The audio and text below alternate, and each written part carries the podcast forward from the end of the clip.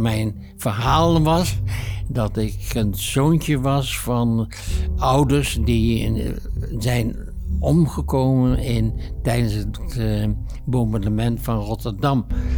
En dat verhaal heb ik zo vaak uh, moeten vertellen toen dat ik bijna zelf uh, ging geloven. Ik kan het me redelijk wel voorstellen, omdat ik meerdere films erover heb gezien en boeken gelezen. Maar het moet natuurlijk heel heftig zijn geweest. Ze vonden daar een, uh, iets in, de, in dat riviertje onderaan de Noordberg. Dat had de vorm van een koektrommel, maar dat bleek een, uh, een mijn te zijn. Jaapie Schip was op slag dood en Joop Wezenberg een been verloren. Um, heftig. Want ik denk dat vrij weinig mensen het kunnen verbeelden in hun hoofd dat ze in één keer een vriend kwijt zijn of een vriend zonder been zien.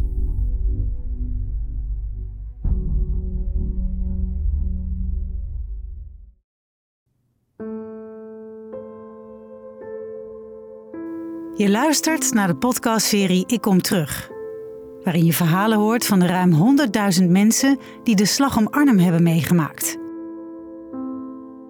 In 1944 moesten ze hals over kop hun huis verlaten. Niemand wist waar naartoe of voor hoe lang. De Duitsers hadden Arnhem bezet en wilden ruimte maken om de stad te kunnen verdedigen. Mijn naam is Linda Geerdink en ik sprak 20 ooggetuigen met ieder een eigen litteken. En omdat vrijheid niet vanzelfsprekend is, geven we hun verhalen door aan de jeugd van nu. In deze aflevering het verhaal van Karel Bezemer uit Renkum door de ogen van de tienjarige Tim. Samen met illustrator Kees de Boer maakt hij een tekening voor Karel. Nou, ik ben Tim, ik ben tien jaar. En ik was altijd al heel geïnteresseerd in de Tweede Wereldoorlog en dan vooral de Market Garden. Karel was vijf toen hij als Joodse jongen werd gered van de deportatie naar Westerbork. Zijn ouders en broers kwamen er wel terecht, waardoor hij als weesjongen moest onderduiken. Hij ging van Amsterdam naar Rotterdam en kwam uiteindelijk terecht bij een familie in Renkum. Ik denk natuurlijk meteen, u was Joods. Hoe wist u als kind te ontsnappen aan deportatie? Nou, dat is um, eigenlijk een heel vaag verhaal. Ik was nog erg jong en mij werd later verteld dat ik door mensen van het verzet. Ik was aan het spelen op straat. Dat was in de Rivierwijk in Amsterdam, Bossenburgerstraat. Dat is overigens dezelfde wijk waar Anne Frank uh, is uh, geboren en uh, opgegroeid.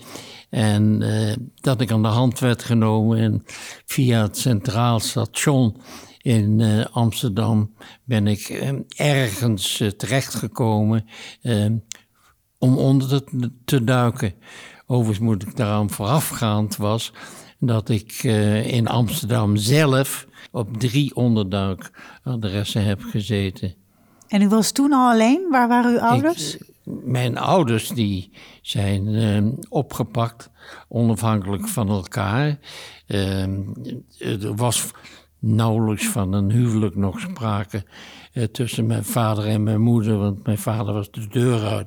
Die had het gezin eh, verlaten. En eh, mijn moeder stond dus alleen eh, voor de hele dreiging van de Tweede Wereldoorlog. Die eraan lag te komen. Eh, voor de zorg voor vijf jongens. Ik had eh, vier, vier broers. En, maar dat was helemaal in het begin.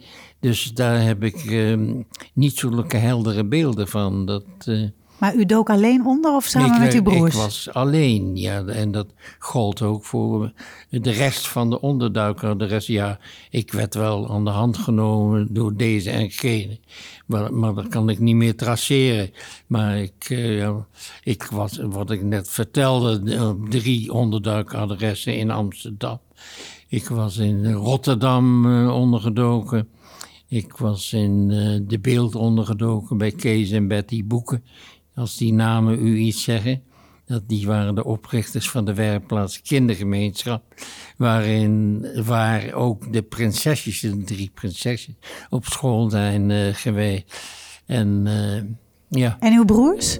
Uh, daar heb ik geen zicht op. Dat, dat weet ik niet. Er zijn allemaal een, een verschillende verschillend uitgewaaid, zeg maar. Want het gezin was volslagen uh, ontregeld, ontbonden. Dat is haast onvoorstelbaar. Want dan verlies je ten eerste je ouders. Vervolgens moet je vluchten en daarna moet je dan alweer vluchten. Dus u kwam als beestjongen terecht in Renkum? Ja, uiteindelijk, dat is mijn laatste onderdagadres. En ik werd, werd daar omarmd, zeg maar. En uh, het was een heel warm gezinnetje. Uh, oma en opa, zoals ik ze noemde, en tante Truus. En met name tante Truus. En die nam helemaal de zorg voor dat jochie op haar. En nou, die deden dat niet om de held uit te hangen, maar gewoon puur uit een geloofsovertuiging. Ze waren gereformeerde mensen, eenvoudige mensen, maar toch uh, om gewoon uh, een Joods jochie te redden. Dat, uh, ik had daar vreselijk veel bewondering voor, voor die mensen. En hoe was het leven voor u daar? Want u moest constant onderduiken. Nee, nee, ja, dat vind ik een leuke vraag. Het is zo dat ik mijn verhaal was dat ik een zoontje was van ouders die zijn omgekomen in, tijdens het uh, bombardement van Rotterdam. En dat verhaal heb ik zo vaak uh, moeten vertellen toen dat ik bijna zelf uh, ging geloven. Maar ik ging gewoon naar de christelijke school met Den Bijbel in Renkum. En, Onder een andere naam, namelijk Karel Ja, Karel Broekhuizen heette ik toen. Dat was mijn onderduikadres. Ja, hij moest dus helemaal een andere identiteit aannemen. Mm Kun je daar iets bij voorstellen? Nou, ik kan het me redelijk wel, denk ik wel voorstellen, omdat ik meerdere films erover heb gezien en boeken gelezen. Maar het moet natuurlijk heel heftig zijn geweest. En wat helemaal niet desgereformeerd. is, dat is uh, dat tante Truus kon liegen dat het, of het gedrukt stond. Want uh, dan werd er wel door buren en anderen gevraagd, jullie Kareltje, dat uh, is een Joods jochie, hè? En dat ontkende ze glas had. En dat is helemaal niet waar. En dan kwam het ook bij uit haar mond het verhaal, een Rotterdamse jongetje die weggebombardeerd is. de ouders zijn omgekomen enzovoort enzovoort. Maar hoe zagen uw dagen eruit? Kon u wel gewoon buiten spelen? Ja, dus, hè, dus en naar school nou, onder die andere naam? Mijn, mijn uh, dagen die waren eigenlijk, denk ik, maar ik heb geen, ver, geen vergelijkingsmateriaal zoals elk ander kind wat opvoed. Ik ging gewoon naar school en uh, ik werd uh, prima verzorgd totdat die ellendige slag om Arnhem kwam. En wij ook, net als de hele bevolking van Wageningen, Renkum, Hilversum, Oosterbeek, Wollevezen, uh, Arnhem niet te vergeten, moesten, moesten evacueren. Ja, wat herinnert u zich daarvan? Ik moest uh, achter op de fiets van tante Truus naar uh, Veenendaal. Uh, maar dat wist ik allemaal niet wat er aan de hand was. Dat uh, begreep wel. Het was een vorm van, uh, van vluchten. En dat was door de bossen, van, langs Nolle in het bos.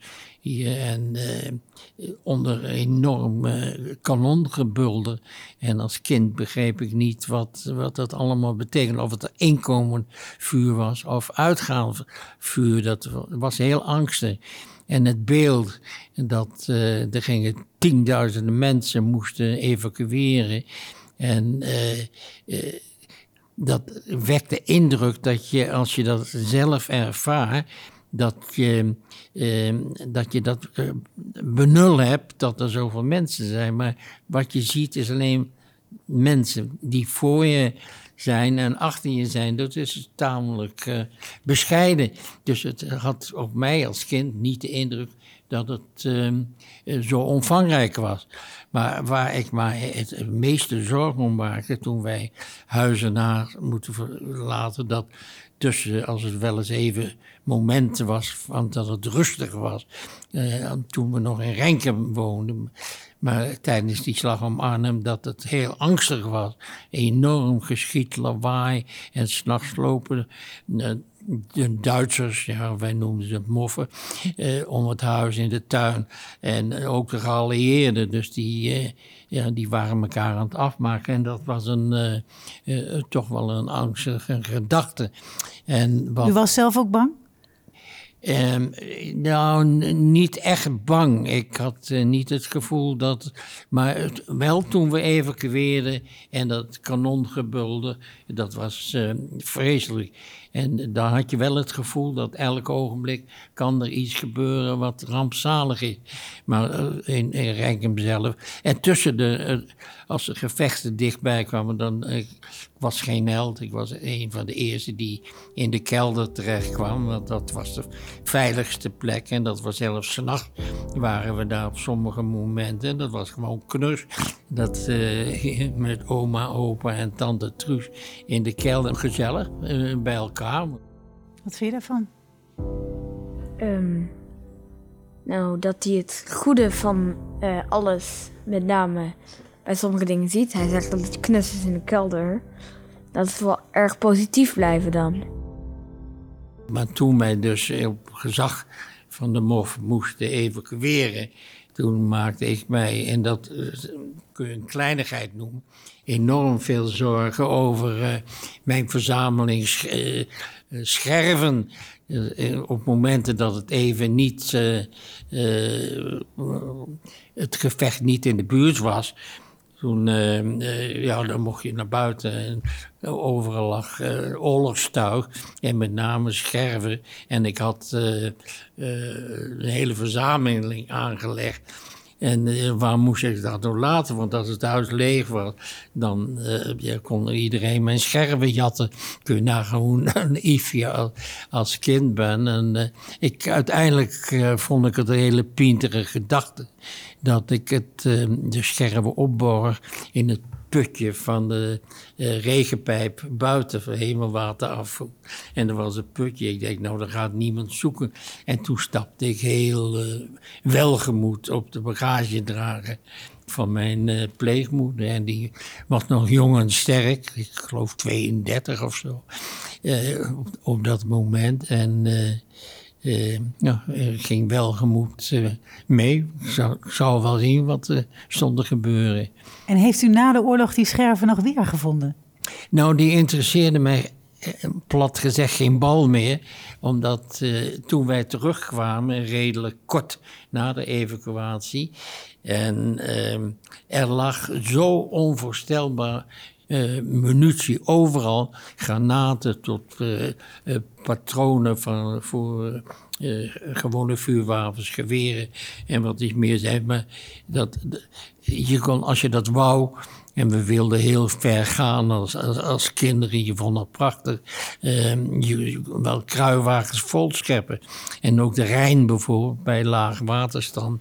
Daar kon je zoveel munitie oprapen als dat je maar wou. En wij vonden dat fascinerend als kinderen. Maar dat ging niet altijd zonder gevaar. Nee, ik, eh, vijf jaar na de oorlog, om even iets te noemen, in het kader. Ik uh, was met, uh, ik had vrienden op de Mulo in uh, Wageningen. En dus klasgenoten ook, maar die woonden ook in Renkum. Dus dat waren Herman van Eibergen, Jaap Sip, Joop Wezenberg en Gijs van der Lee. En op een zondag, wij gingen altijd, zoals wij dat noemden, sjouwen. Sjouwen op de Noordberg en, en, en noem maar op. Het had, verder niks om het lijf, maar dat deed je gewoon. Maar ik had op die zondag een spannend boek en ik bleef dus thuis. En mijn pleegmoeder, het, de tante Truus, die zag wel dat ehm, die jongens, we haalden elkaar op en die hield haar mond. Die dacht, nou Karel, die zit te lezen. En ze vonden daar een, iets in, de, in dat riviertje onderaan de Noordberg. Dat had de vorm van een koektrommel, maar dat bleek een, eh, een mijn te zijn. En daar gingen ze mee aan het klungelen. En uh, het ding ontplofte. Jaapje Schip was op slag dood. En uh, Herman van Eybergen de volgende dag aan zijn verwondingen. En Kees van der Lee die had alleen maar, tussen aanhalingstekens, tenen eraf. En Joop Wezenberg een been verloren. En die leeft dat nog. En ik, ja, sporadisch heb ik nog wel eens contact met ze. En uh, dat is vijf jaar na de oorlog. Um, heftig. Want ik denk dat vrij weinig mensen het kunnen verbeelden in hun hoofd dat ze in één keer een vriend kwijt zijn of een vriend zonder been zien. Ja, hè? En ook hoe die omschrijft dat één vriendje ook geen tenen meer had. Ja, dat denk je met name aan kinderboeken met heksen. Teentjes in de soep. En uh, over gevaar gesproken. En er ligt nu nog in de bossen van alles en nog wat. Dus een geluk bij een ongeluk dat u toen niet meeging met die jongens? Ja, dat was. Uh, ja, dan kun je theatraal gezegd, je, daar heb je je leven aan te danken. Want, maar ik had meerdere momenten. Ook de Duitsers hadden je op kunnen pakken. En, en noem maar op. Dus uh, het leven met gevaar. Dat, ja, je wist niet beter. Dat men denkt wel eens dat je dat zeer emotioneel ervaart. Maar dat uh, heb ik zo niet ervaren. Het is, ik wist niet beter. Uh, dat is geen verdienste, maar ja, je moet ermee le leren leven. En de een die kan dat beter dan de ander. En uh, ik kan dat re redelijk goed. We zien wel, heb ik een beetje de, de, de, de houding. Ik, je kunt er toch niet uh, ontlopen. Gaat er wel eens een dag voorbij dat u niet aan de oorlog denkt? Nee. Ik denk, ik denk wel aan de oorlog, niet aan de handelingen rond de slag om Arnhem, maar wel wat mijn ouders en broer uh, in, via Westerbork en uh, Auschwitz hebben moeten doormaken. Dat, uh, dat, dat speelt nog wel eens in mijn hoofd. En niet een zeldzame keer, maar vaag. En heeft u daar dan ook last van? Is het vervelend? Nou, een beetje last, ja. Ja, wat is een beetje last? Dat, dat grijp je aan. Dat, uh, ja, maar niet alleen dat ze ter dood zijn gebracht, zijn vergast, maar ook en vooral uh, uh, wat ze hebben mee moeten maken, bewust voordat ze die gaskamers ingingen. Daar heb ik wel beelden van die niet plezierig zijn om het zo uit te drukken. Ik kan me voorstellen dat de oorlog in Oekraïne ook weer herinneringen Ja, ja dat, overduidelijk. Je moet er niet aan denken dat die Poetin uh, ergens uh, Europa gaat uh, aanvallen en gaat stellen dat het hoort tot Groot-Rusland. Of, of noemen je kunt er alles bij bedenken natuurlijk. En, maar die man is, naar analogie met Adolf Hitler, geen spat beter. Denkt u dat de geschiedenis zich herhaalt? Nou, nooit in dezelfde vorm natuurlijk. Maar uh, uh, ik denk dat uh, wij als mensheid kennelijk niet leren van de geschiedenis. Nu ligt hier een boek op tafel met de titel Hoe heette ik ook alweer? Ja. Ook dat heeft een verhaaltje. Na de oorlog moest men uitzoeken van wie, van welke Joodse kinderen er nog ouders of familieleden bestonden die de verdere opvoeding van Joodse kinderen uh, ter hand konden nemen. Uh, de Joodse gemeenschap, heb ik me laten vertellen, die was er zeer aan gehecht dat die Joodse kinderen weer in Joodse milieus werden opgevoed. En men moest dus uitvinden ja, wie leefde er nog? En een van de dingen was dat ook aan mij gevraagd werd: van uh, weet je nog wat je naam is? Want ik was dan Broekhuizen als achternaam gewend. En ik wist nog wel dat ik Bezemer heette, maar niet hoe dat geschreven moest worden. Dus ik gaf prompt op Bezemer met een E en een Z. Be, Bezemer, maar het was met dubbel E en een S. Later bleek dat een typisch Joodse naam te zijn. En eh, dat was dus eigenlijk de oorsprong van de titel van het boek. Dat ik dan dacht, ja, dat vond ik wel kenmerkend voor eh, de Tweede Wereldoorlog. En mijn, mijn ervaring, hoe heette ik ook alweer? alweer want het was na de oorlog zo'n eh, rotzooitje. Eh, ik zou zijn afgevoerd naar Auschwitz, staat in de officiële stukken. Nou, daar is geen sprake van. En dat was wel het Nederlandse Rode Kruis die dat ver- vertelde. En, dus het, was een chaos. Maar ik weet niet of je dat iemand kunt kwalijk nemen, dat geloof ik niet. Eh, Maar het was na de oorlog eh, niet echt ge- georganiseerd. Eh, lijkt me verschrikkelijk met name. Dat je je hele leven een naam wordt en dat je na het einde van de oorlog je naam niet meer weet. Wat ga jij tekenen? Geen idee. Nou, naast jou zit een eh, bekende illustrator, Kees de Boer. En hij gaat jou een beetje helpen. Want het zou heel mooi zijn als je iets moois kan tekenen voor Karel Bezemer. Wat, wat, want hij heeft natuurlijk iets heel heftigs meegemaakt. Wat zou je, als hij jouw bord dadelijk ziet, wat hoop je dan dat hij denkt? Geen idee. Misschien moet je iets kiezen wat, je het meest is bijgebleven van zijn verhaal, wat je kunt gaan tekenen. Ja, ik had bij mijn tijd wel een aantal ideetjes. En welke ideeën? Dat je eh, ongeveer iets in vieren deelt. En dat je vier plaatjes maakt van wat je het misschien het meest is bijgebleven. En dat je dus ehm, de scheidingen tussen de vier plaatjes een beetje wazig maakt. Achtig. Ja, en wat jij vertelde is wat wel heel heftig was, dat hij zijn eigen naam niet meer wist aan het einde van de oorlog. Dat is misschien ook wel iets moois om mee te nemen in je tekening. Ja, dat je bijvoorbeeld midden in het stukje van het wazige... dat je dan misschien zijn naam met een vraagteken erachter kan zetten. Ja, wat vind jij ervan, Kees? Nou, dat begint wel een, eh, een beeld te worden, toch? Klopt, maar dan, moet je eerst, dan moeten we eerst bedenken wat we op de vier Precies, plaatjes want je wilde wel vier plaatjes en je hebt nog niet eens een idee voor één plaatje. Nou, of, dat of zijn het dat heb ik heel veel ideeën door elkaar misschien? Ja, juist heel veel ideeën. Want Nou, vertel eens eentje. Je hoort illustrator Kees de Boer. Hij helpt Tim bij het maken van een tekening voor Karel. eh, het onderduik in de kelder lijkt me misschien wel een goed punt. Tekenen op een rond bord, dus misschien is het, eh, zijn het eh, kwartjes of zo. Kwartplaatjes. Met wat? is dat wat handig. Yep. Kijk. Hoppa, dat is één. Dat is redelijk misschien wel een goede grootte voor de kelder. Heel goed. En als tweede zat ik te denken om eh parachutisten te tekenen. Heel goed. Zodat je, ja, want het is wel gewoon te maken met Market Garden. Precies. Of derde is het misschien wel handig om een lege lijn vol met spullen te tekenen. Want in het verhaal hoorde je ook dat hij op dagen naar de Rijn ging, of in ieder geval naar een rivier, die dan laag stond.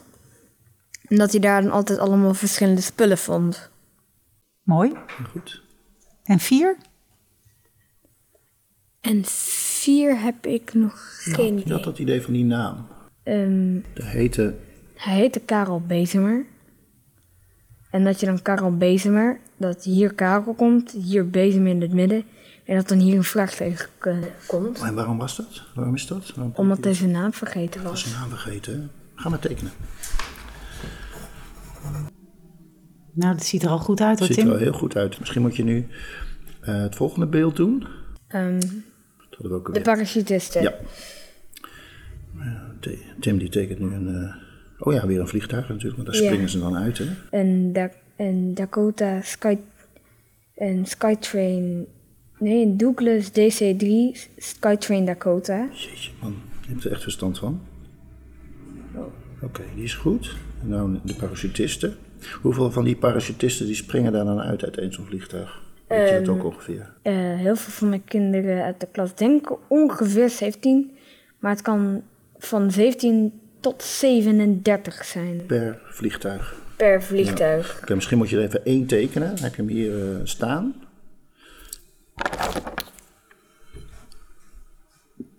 Ben je met je tevreden over je tekening? Ehm, ik ben zeker tevreden over de tekening. Kees ook? Ja, ik vind hem hartstikke mooi. Neerstortende vliegtuig. Eh, de parachutisten en de Dat is legerij. minder mooi het neerstortende vliegtuig. Ja, maar je hebt het wel heel goed getekend, vind ik. Ik zou daar een, eh, ik zou er zelf een plaatje bij moeten hebben om dat zo goed te tekenen. Je kent ook al die namen van die vliegtuigen. Wordt mooi. Dat hoop ik dat het mooi wordt. Ja, joh. Ik zou me er niet te druk over maken.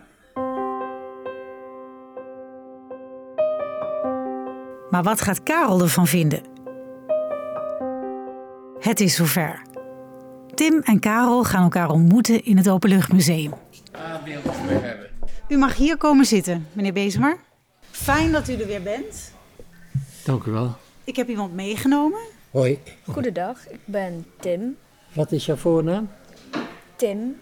Tim. Tim. Tim. Karel. Karel Bezemer, ja. Nou zie je hem in het echt, Tim. Bijzonder? Zeker bijzonder, ja. Want er zijn weinig mensen van de Tweede Wereldoorlog die echt wat hebben meegemaakt over. En dan ook echt iets heftigs. Ja, dus daar zit je nu naast. Zeker. Tim heeft uw verhaal gelezen en gehoord ook in het interview. En hij heeft iets voor u gemaakt. Wat hij graag wil laten zien. Wat goed zeg. Jee, je hebt, hebt er wel werk van gemaakt, hè? Ja. Jij wist mijn achternaam niet? Nee, ik heb het eh, gedaan van Karel B. Omdat je na de oorlog je naam niet meer wist. Dat klopt. Oh, dat is het. Ja, dat is een, heeft een betekenis. Klopt. Ik, ehm, Alles heeft een ik betekenis, wist nog wel dat ik Bezemer heette, maar ik wist niet meer hoe het geschreven moest worden. Dus ik gaf prompt op eh Bezemer met een E en een Z, maar mijn naam wordt geschreven met twee E's en een S. Bezemer. Vandaar. Klopt. Dat is ook de titel van een boek wat ik geschreven heb. Hoe heette ik ook alweer? Ik vind het heel bijzonder. Ik heb een schelkelder gemaakt. Een? Schelkelder. Ja? Als in, eh, ja, u moest vluchten. Ja? Ik heb een neergestort vliegtuig gemaakt. Als teken van eh, ja, verdriet en leid. Ik heb de parachutisten getekend. En ik heb de lege rivier getekend. De, de Rijn. Ja, de Rijn. Ja, ja, daar woon ik vlakbij. Dat is eh, indrukwekkend. Ik vind het schitterend dat je dat. eh, ja, en vooral die vliegtuigen, dat was angstaanjagend. Schitterend. Heel mooi. Dankjewel. Ik heb ook nog, nog wat voor u. Ja, je, je maakt me bijna verlegen. Wat is het, Tim? Wat heb je meegenomen? Ehm, een voederbak voor vogels in de vorm van een klaproos. Ja? Want de klapstroos staat een symbool voor oorlog. Omdat de klaproos, dat was een van de weinige bloemen die op het slagveld, waar het zo modderig en vies was, Ja, ja. dat het daar nog wel Ja. gewoon kon groeien. En dat is best wel verbazend. Schitterend, joh. Dat mag ik meenemen, is dat de Dat mag bedoeling? jij, met- Nou, dat mag jij meenemen, ja. Daar zeg ik je hartelijk dank voor. En waar, meneer Bezemer, krijgt de tekening van Tim een plekje? Mag ik dat ook meenemen? Zo. Zeker. De tekening is voor u. Nou, dat is eh, prachtig mooi, ja. Ja, ik vind het eh, buitengewoon. Je krijgt in mijn huis echt een ereplaatsje. Ja, ik vind het heel apart. En vooral de betekenis, de vliegtuigen, de, rivier de Rijn. Daar woonden wij in de Dorpstraat. Dan kreeg je, dat, dat was mijn onderduikadres. En toen dat, die Duitsers stonden in, bij ons in de tuin te schieten op een vliegtuig wat eh, pech had, in brand was gevlogen. En die mannen die sprongen eruit en die hingen aan die parachutes en zwaaiden heen en weer. Omdat ze het de Duitsers zo moeilijk mogelijk maakten om, eh, om te mikken. En, maar toen werd ik binnengeroepen, dus ik weet niet of ze de Betuwe gehad hebben. Maar ik had inmiddels wel bidden geleerd. En toen eh, bad ik eh, of ze maar veilig de Rijn overkwamen. Want de wind stond in de goede richting, maar dat maakte veel indruk. Maar ik was nog heel jong. Welke leeftijd heb jij? Ik, heb, ik ben tien op het moment. Tien? Tien.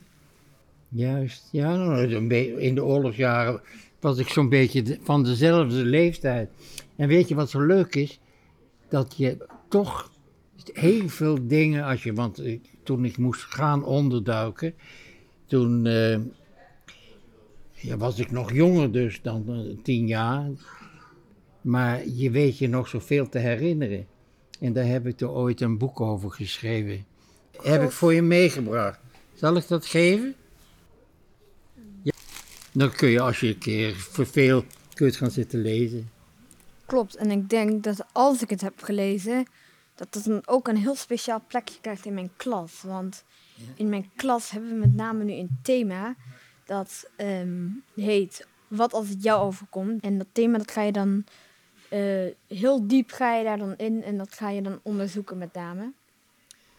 Ja, wat ik, ehm, ik kreeg eh, ver na de oorlog van het ehm, herinneringscentrum Kamp Westerbork de uitnodiging om voor scholen om gastlessen te geven. En dat tot eh, voor nog pakweg een dik jaar geleden heb ik dat nog steeds gedaan. En dat vond ik indrukwekkend voor de klas te staan en, en het verhaal te vertellen. En dat, eh, alleen ik ben er nu mee opgehouden, want het, het zoeken naar de weg, dat werd vanmorgen weer bewezen dat ik wanhopig de verkeerde afslag nam.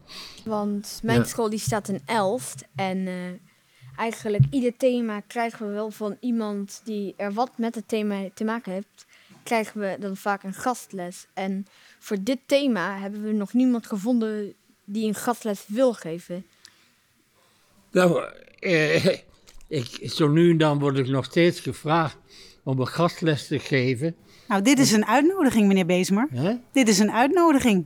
Want Ja, nou, heb jij mijn adres of, eh, of mail? ik heb een adres. Ik ja, ga, want- Nou, de agenda wordt er al bijgepakt, Tim. Dus dan kunnen we bij deze afspreken dat u in de klas van Tim komt. ja, ik, eh, ik wil dat eh, best verzorgen. Ik dacht niet dat ik het al afgeleerd was. Eh, neem ik contact op of neem de school contact op? De school zal contact met u opnemen. Ja, oké. Dus deze is voor u. Nou, ik zal het eh? En deze niet bloem. vergeten. Letterlijk niet en figuurlijk niet. Hartstikke bedankt. Alsjeblieft. Leuk kennis gemaakt te hebben. Ja. En ik hoop dat we elkaar weer zien. Als ik een gastles eh, mag geven. hè? Ik zal het mijn meester doorgeven. Goed zijn. Want Leuk. Jeetje, dat is toch lekker zwaar ook. hè? Je luisterde naar de podcastserie Ik Kom Terug. Wil je meer evacuatieverhalen horen? Luister dan hier naar andere indrukwekkende herinneringen. Zo ook het verhaal van Kiek Bierman. Zij had een groot geheim te bewaren. Haar vader werkte namelijk voor de NSB. Eh, je werd uitgescholden. Eh, ik mag niet met jou spelen, je bent een vuil NSB-kind. Wij mogen niet met jullie spelen. De verhalen van ooggetuigen worden steeds zeldzamer. Deel daarom deze podcast, zodat iedereen hoort dat vrijheid niet vanzelfsprekend is. Deze podcastserie is mogelijk gemaakt dankzij de samenwerking tussen Airborne Museum Hartenstein, het Nederlands Openluchtmuseum, de Airborne Region, Bureau Kessel en de NOW Foundation. Met steun van provincie Gelderland, Programma Vrijheid, gemeente Arnhem, VSB-fonds en het V-fonds. De redactie werd gedaan door Marieke van Kessel. De montage lag in handen van Linda Geerdink. En de eindmix deed Peter Kluiver.